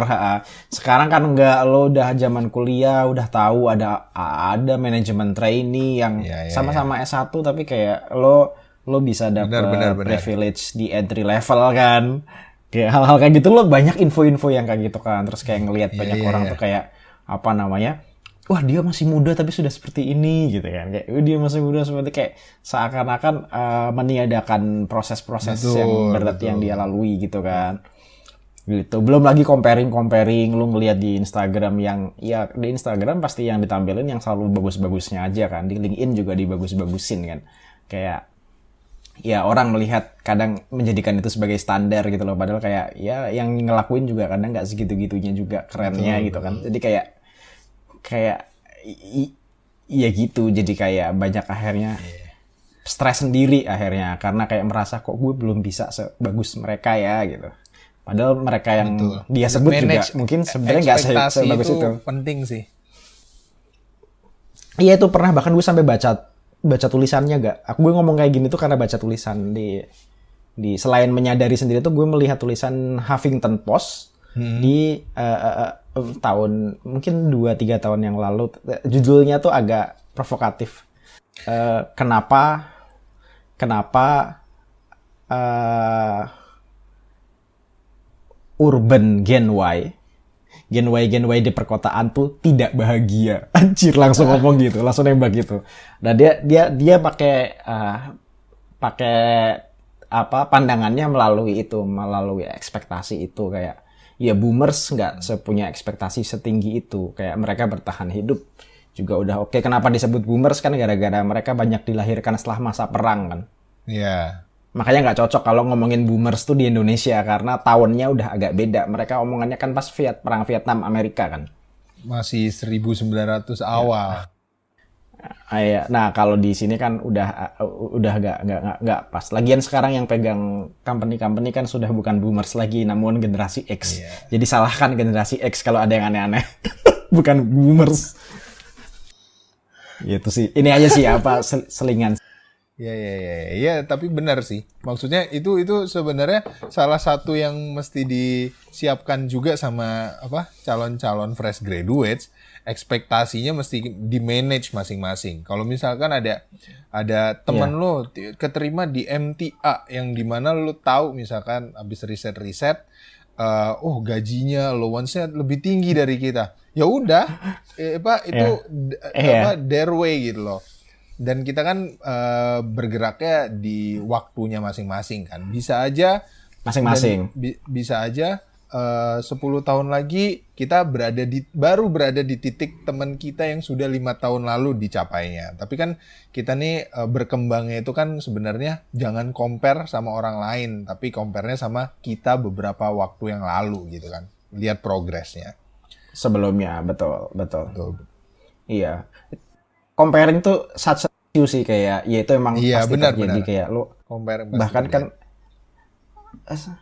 sama-sama kerja di Jakarta aja kan kayak sama-sama baru lulus sama-sama kerja di Jakarta tuh kan perbedaannya bisa sampai bisa sampai berkali lipat ya. betul Ada yang ada yang masih mepet UMP, ada yang sudah mungkin lima kali lipat itu.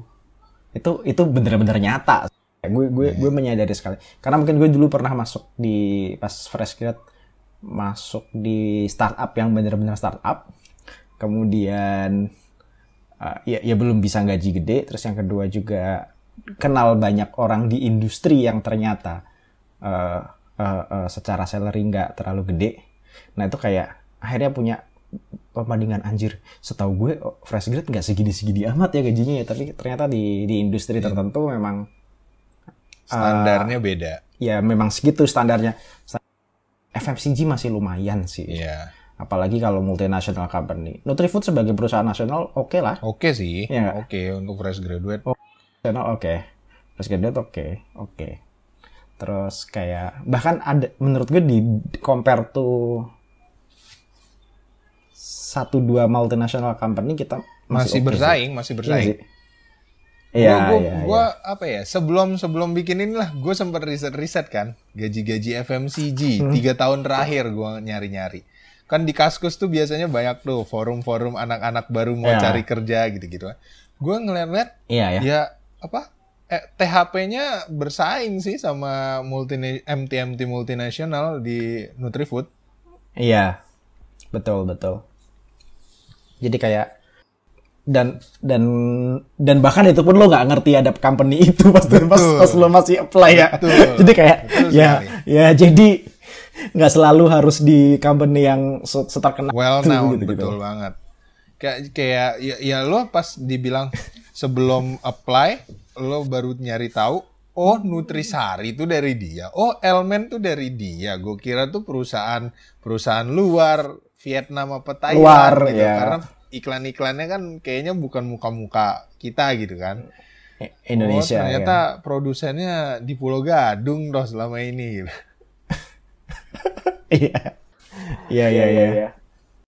Apalagi gak? Tadi berarti gue catat dua tuh. Apa namanya tadi ya, tentang critical thinking sama adaptasi ya. Ada lagi gak? gak? Adapta adaptasi. Ya tadi manage ekspektasi. Ini untuk untuk yang fresh graduate ya.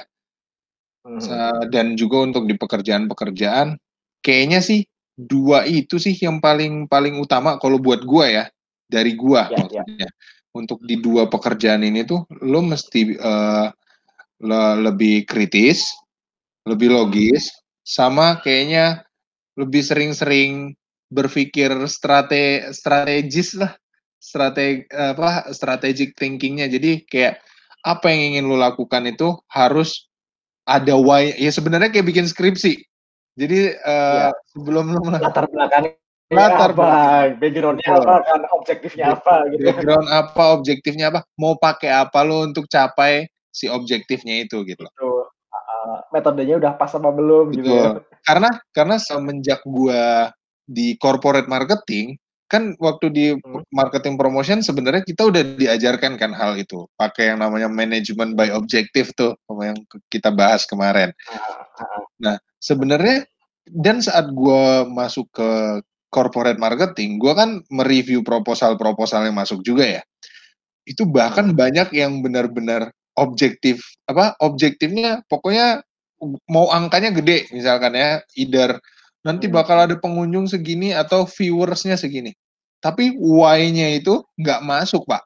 Why-nya uh, nggak masuk sama visinya. Misalkan corporate visinya Indofood, dan habis itu kendaraannya untuk mencapai goals-nya itu nggak jelas. Jadi kayak, wow, ternyata tuh emang di Nutrifood tuh gue lumayan belajar banyak ya. Banyak orang masih bikin proposal kayak kayak apa hmm. perusahaan-perusahaan atau bahkan uh, swasta-swasta gitu kan masukin proposal untuk sponsorship.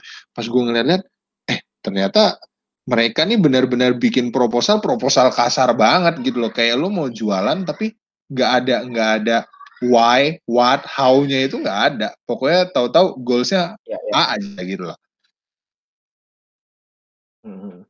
padahal kan ya sebenarnya kayak ini aja kan kayak background lo apa objek betul. apa si sebenarnya sebenarnya simple sih. gimana Sebenarnya simpel, yeah. tapi terkadang orang tuh males buat mikirin di awalnya. Iya, jadi kayak, eh gue lihat formatnya lo dong, terus kayak ngikut. Gitu iya, gitu. betul. Proposal itu kan selalu seperti itu kan. Betul. Dan terkadang kan, terkadang kan orang cuma ngelihat hype-nya, misalkan lagi ada hype AA gitu ya. wah gue kayaknya mau bikin si apa event atau campaign yang sama kayak hype ah, ah oke gue bikin decknya aja pokoknya cakep decknya set tapi isinya ya gitu nggak jelas lo kenapa mau bikin ya. ini? Gitu. Bukannya udah ada nih si hype A gitu ya, ya. kenapa lo bikin hype B? Terus goalsnya misalkan mau menggait uh, banyak orang segala macam untuk datang ke acara A ya perbedaannya apa? Terus lo mau menggunakan apa aja untuk biar ini bisa kejadian? Itu tuh terkadang nggak ada gitu loh di proposal proposal mereka. Yeah. bahkan sampai udah kita undang present pun juga oh gitu ya pak. Notes nanti kita akan masukin di apa uh, revisian decknya lah baru dikerja baru dimasukin setelah dapat input kan agak lucu gitu ya ya kayak kayak ini sih kayak apa namanya ya terus kadang juga ini kan yang penting visual keren Betul. Makanya jasa-jasa makanya jasa-jasa editing CV itu laku tuh. Padahal yang diedit cuma visual. Padahal kayak to, uh, to be honest nggak semua orang melihat segitunya kayak harus harus itu di marketing pun orang nggak harus ini yeah. nggak harus dan itu kok. Benar benar. Gue tuh CV gue cuman hitam putih nggak ada warna lain, cuman hitam putih, kumpulan tulisan hitam putih, nggak ada fotonya bahkan sekarang. Sekarang gue nggak nyelampirin foto kayak ya udah ngikut-ngikut orang-orang barat aja kayak lo mau nama? uh, rekrut gue apa? Uh, uh, atau uh, cuma nama doang sama ya info-info doang kayak lo mau ngerekrut gue apa tampang gue? Gitu kan. Iya iya iya iya. sekarang gue ngikut itu kayak anak-anak Harvard gitu kan pada cuma benar-benar ini sih kalau kalau bahasanya teman-teman gue tuh kayak ini CV CV-nya konsultan gitu istilahnya ya CV consultant. Ya tapi emang gitu sih Padahal sekarang. Ada CV consultant banyak CV kayak gitu. itu itu sebenarnya ah, udah itu tem CV template CV itu. Akademik CV kan juga gitu doang, enggak? Uh, uh, enggak, enggak ada enggak ada foto.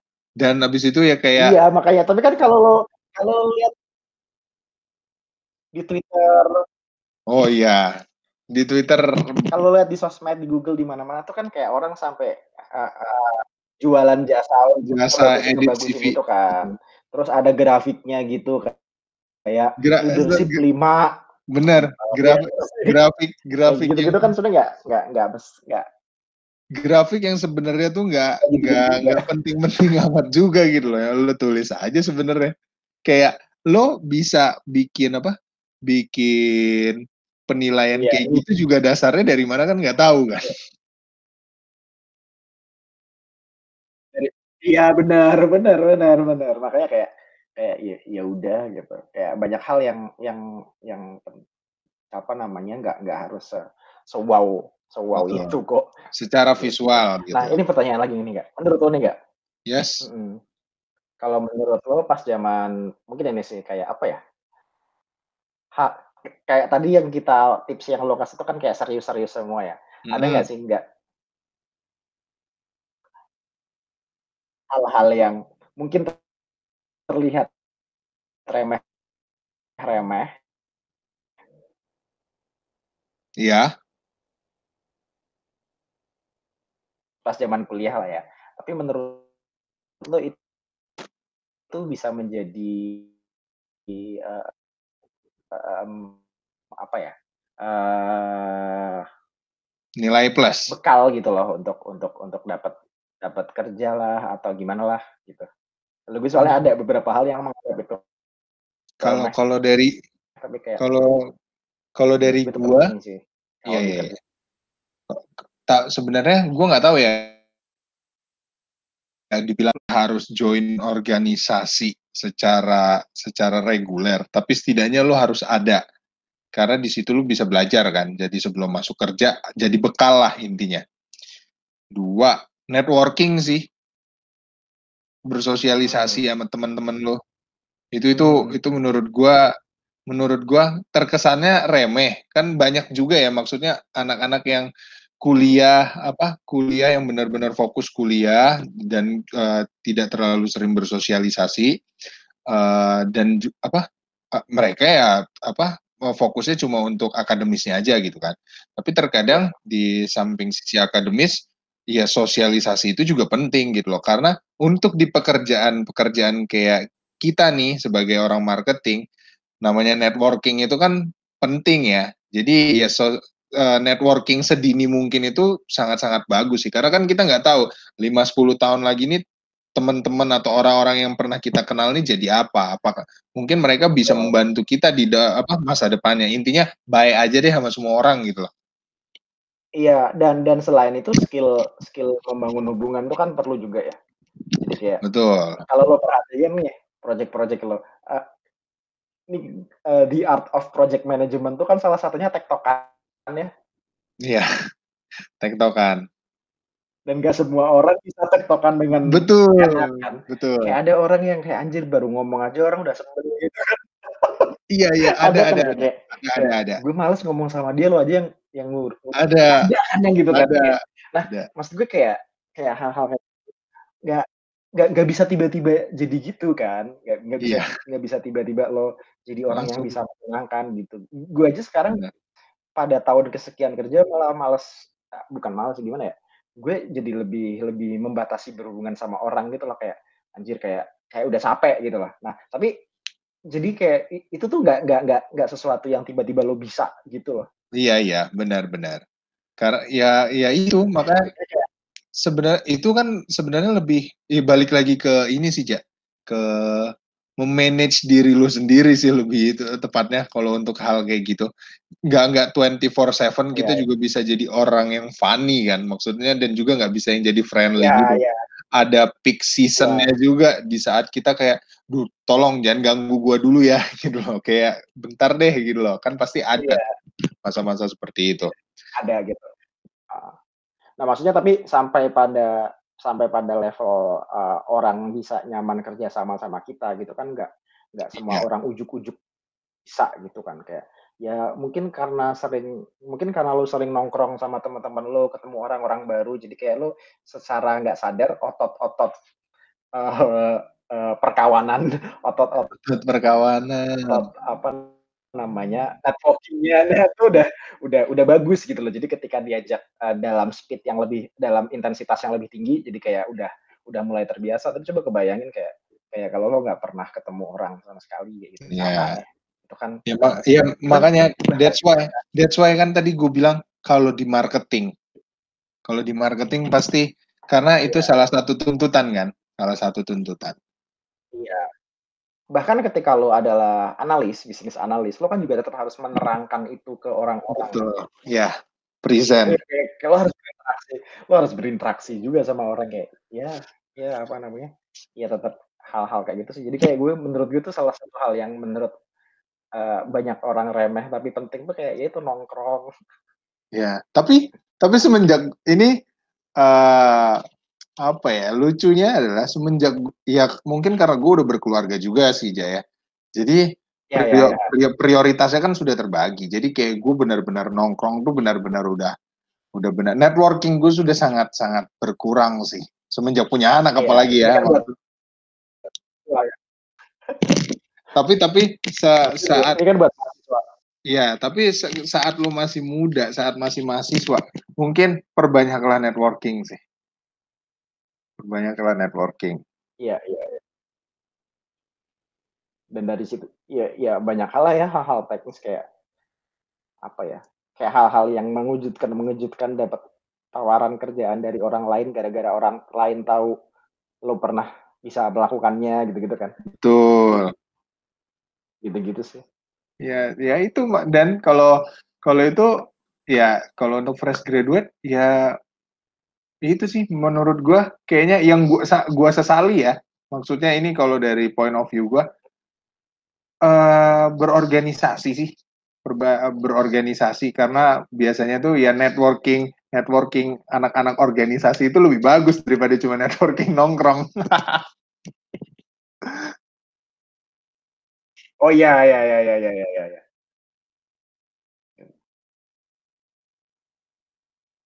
Cuma kadang anak organisasi itu kan kadang terlihat terlalu serius gitu ya. Iya, sebagai orang banget. yang ikut organisasi itu kan kadang ngeliat banyak orang yang terlalu serius gitu loh. Serius dan ambi. Jadi kayak kayak kayak, kayak somehow ya gitu ngimbanginya tuh kayak kalau gue dulu ngimbanginnya kayak ya gue gue harus ngimbangin nongkrong juga sama orang-orang yang kayak ya jalan pikirannya udah beda banget gitu. Iya, betul, betul.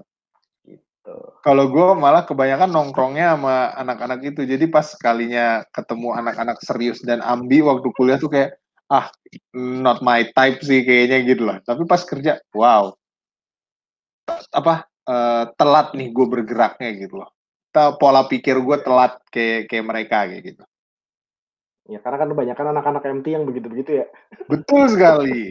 Anak MT, dan yang mungkin sekarang karirnya karirnya jauh lebih melejit gitu kan. Tapi gue iya. jujur ya, nggak nggak jujur gue waktu pas pas gue awal ya. awal awal apa awal awal masuk masuk kerjaan pertama gue, gue juga eh, pasti semua mengalami lah ya compare compare compare sama teman wah gila ini udah sampai sana sampai sana tapi udah semakin ke sini tuh kayak ya itu mungkin semakin dewasa ya jadi kayak oh uh, dengan dengan karir gue yang sekarang gue jauh dari ini kok apa jauh lebih dari cukup kok untuk menghidupi dan segala macam untuk kebutuhan gue kan zaman dulu tuh kayaknya terkesan kayak wah ini orang allowance apa THP-nya gede nih. Habis itu juga karirnya bergengsi nih segala macam. Ternyata semakin ke sini kayak di perusahaan A ya udahlah ya. Iya perusahaan A levelnya misalkan manajer. Ternyata di perusahaan B cuma sekelas supervisor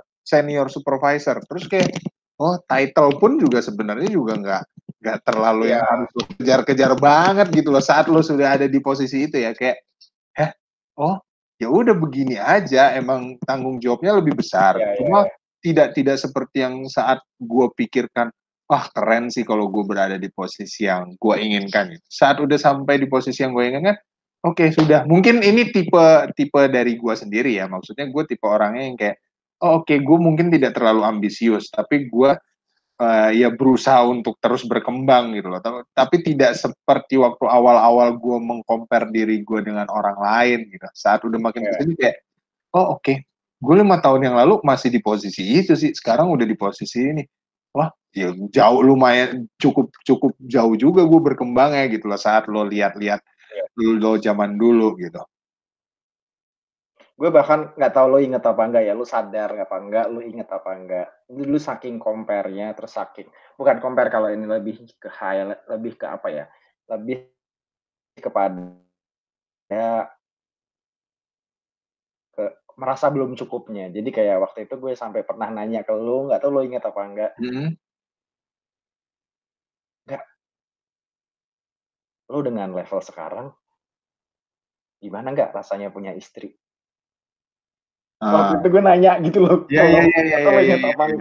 Gue gue gue ingat gue sekarang gue kayak ingat dengan lupa lupa ingat itu lo gimana maintain uh, keluarga gitu kan karena menurut gue menurut gue itu kayak gue masih takut saat itu kayak benar benar gue gue nanyain itu karena di titik itu gue takut financially gue takut yes yes Padahal kalau dipikir-pikir, anjir banyak yang gajinya di bawah tapi udah pada punya anak gitu kan. Iya. Tapi kayak pada nah tapi ya itu kan sangat subjektif ya. Pas waktu itu gue kayak kayaknya nggak bisa. Kayak kayak kayak kayak nggak nggak nggak pas akhir-akhir di Jakarta kalau nggak salah gue gue nanya. Iya, so kayaknya kayaknya itu pas kita ngobrol di kantor udah agak sepi deh atau pas kita lagi ngisi exit form gitu ya pokoknya di belah apa pokoknya di kantor gue ingat lupa lupa ingat sih tapi kayaknya sempat kita obrolin tentang itu deh. Kayak ya menurut menurut gua ya tinggal digerobak aja orang apa masih bisa hidup yang gitu loh kasarannya ya. Maksudnya ya, ya, ya. Nah, dan juga pas beberapa tahun terakhir eh enggak beberapa bulan terakhir sebelum apa? Sebelum gua resign itu ya ini sih baru belajar-belajar financial management gitu ya. Jadi kayak gue berpikir-pikir ya sebenarnya uh, misalkan digabungkan pemasukan gue dengan istri gue, not bad kok. Maksudnya gue masih bisa ada yang gue tabung dan gue investasikan gitu loh. Jadi kayak ya udahlah apa go with it gitu loh. Dan gue juga mungkin tipe orangnya bukan orang yang diambil pusing aja ya mungkin. Jadi kayak oke, okay, gue punya punya apa? Punya penghasilan seperti ini, istri gue punya penghasilan seperti itu. Ya udah, gue jalanin. Terus apakah dengan posisi gue seperti itu gue dulu apa bingung untuk untuk apa ya istilahnya ya, Ya. bingung mengenai lebih lebih ke apa galau mengenai karir gue. Waktu itu sih gue sempet galau mengenai karir karena ya itu ekspektasi gue tuh ngeliat ngeliat membandingkan dengan orang lain kan saat itu. Jadi tapi tapi ya pas di apa dijalanin ya sebenarnya lah ya sejauh ini gitu loh bahkan gue udah punya anak gitu kan. Jadi kayak ya sebenarnya ternyata emang nggak segala sesuatu itu harus ditakutin sih. Harus dijalanin aja dulu. Yang penting tapi setidaknya lu punya plan ada plannya gitu loh. Tapi kalau kalau ditakutin takutin terus nggak dijalanin ya nggak nggak jalan ke mana-mana. Ya. Sip sip kak. Semangat ya Gue bingung mau nanya apa lagi nih. Kak. tanya apa ya Oh kalau sekarang gue sangat percaya diri di di, di, di, di titik itu, Idi. poin itu. sedap Tapi kalau dulu kayak kalau dulu gue kayak anjir kayak kayak gimana ya gitu. iya iya iya paham paham paham Oke oke oke. nah Terus lo enggak, gue bingung mau nanya apa lagi enggak? Apa lo ada yang mau disampaikan? Itu ini enggak? apa ya? Ya mungkin terima kasih aja sudah memberikan waktu. Maaf kalau banyak ngalor ngidulnya. Semoga semoga bermanfaat nih konten-konten yang mungkin ditontonnya sama gua istri gua biar memperbanyak viewsnya. Sa- sama Biar- paling ya, paling biar nama lo ada di YouTube. apa? Namanya ada dia Biar nama lo ada di YouTube. Yoi, biar nama gue ada di YouTube. Eh, gue udah pernah masuk YouTube, coy. Lo dari Indofood, lo lihat dong nanti. Di rumah Indofood. Oh iya yang yang yang ini ya, Infood ya. iya, iya, iya. Sampah sih itu videonya, tapi... Ya. Inilah Gue aja. udah nonton, gue kan gue kan nge Hah? apa tuh? Enggak, enggak. Lanjut, lanjut. Gue kan udah pernah nonton dulu yang itu yang itu. Iya, iya, iya. Lo, lo, lo. Itu waktu itu. Lo apa gue yang nge-share ya? Apa dua-duanya nge-share? Gue gue lo. Lo ya? Gue, gue. Duh anjing, ditonton lagi dalam hati gue. Padahal gue udah nggak nge-share. Nge-share dulu ini apa video gitu kan biar kagak ketonton sama circle-circle gue. Wah, ketonton juga aja.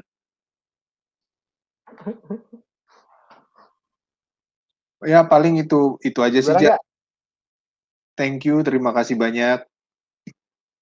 Nanti bi- nanti Siap, gue semoga kontennya bermanfaat dan juga lo tetap bisa sharing mengenai hal-hal yang lo pelajari lah di Gojek kepada gua. Karena gue juga masih butuh hal-hal baru, terutama apalagi kan kalau startup tuh biasanya lebih ini ya, lebih lebih agile kalau untuk adaptasinya gitu kan. Mungkin gue bisa belajar banyak dari lo juga. Iya, iya, iya, iya. Siap. Gue juga terima kasih sudah lo mau mengisi konten-konten ini yang baru konten kesekian. Gue tuh baru nonton tiga konten lo sih. Konten yang sama junior lo, sama nyokap lo, sama sama om lo ya. Oh, nah sebenarnya kalau itu tuh yang dua itu awalnya mau buat gue pribadi. Tadinya gue settingnya setting Private. Apa namanya? Private karena itu ini pribadi gue. Cuman akhirnya gue mikir kayak udah gue lepasin aja lah. Jadi itu kan tanpa editing apa apa tuh waktu itu. Iya, iya, iya, iya.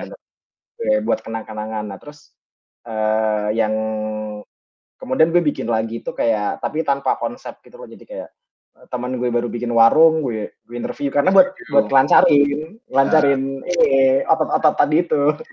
Otot yang diperlukan sebagai moderator ya. Nah, sebagai moderator dan lain-lain. Jadi kayak ya udah gue sambil jalan terus gue kepikiran bahwa oh kayaknya gue bikin temanya ini aja deh satu tema aja yang gue gampang cari cari tamunya ya itu kayak ya udah ngomongin ngomongin kerjaan tapi eh, untuk untuk para mahasiswa gitu kan. Nah, tapi kalau yang yang apa? Yang temen lo yang di Paragon itu lo udah temen apa sebelumnya? Kuliah. Enggak kenal di mana gitu gue lupa. Di Wah, ini- apa Wah, ini the power of networking ya berarti ya. Iya, jadi kayak kayak gitu, Pak. Gue gue dulu pas awal-awal ini, Pak, pas awal-awal pandemi, gue tuh banyak dapet dan se sebenarnya bukan ke gue langsung, maksudnya melalui gue, tapi nanti gue kasihin ke tim operation, gue dapat bantuan-bantuan eee apa namanya, produk-produk gratis dari FMCG itu untuk driver dulu tuh. Oh, iya ditanya, iya "Eh, lu dapat kenalan dari mana?" Gue juga lupa gimana gitu. Pernah tuh dari dari ada multinational company, ada yang mana, "Oh iya, gue kenal di ini nih," gitu. Terus kayak waktu itu di LinkedIn apa gimana gitu, terus akhirnya akhirnya dapat beberapa beberapa gratisan-gratisan, I gitu sih, see I Pak. see. Terus, Pak, sekali lagi saya terima kasih. Terima kasih kembali, Pak Riza. Ya, terima kasih juga yang sudah mau menonton. Kalau ya kalau ada masukan dan lain-lain bisa di komen di bawah. Ini sengaja pakai, eee, Google Meetings karena karena karena memang berjauhan dan karena memang sedang Covid, gitu. Jadi sedang ada pandemi, jadi kita bikinnya begini-begini dulu aja dulu. Sip, thank you. Siap, dadah. Ya.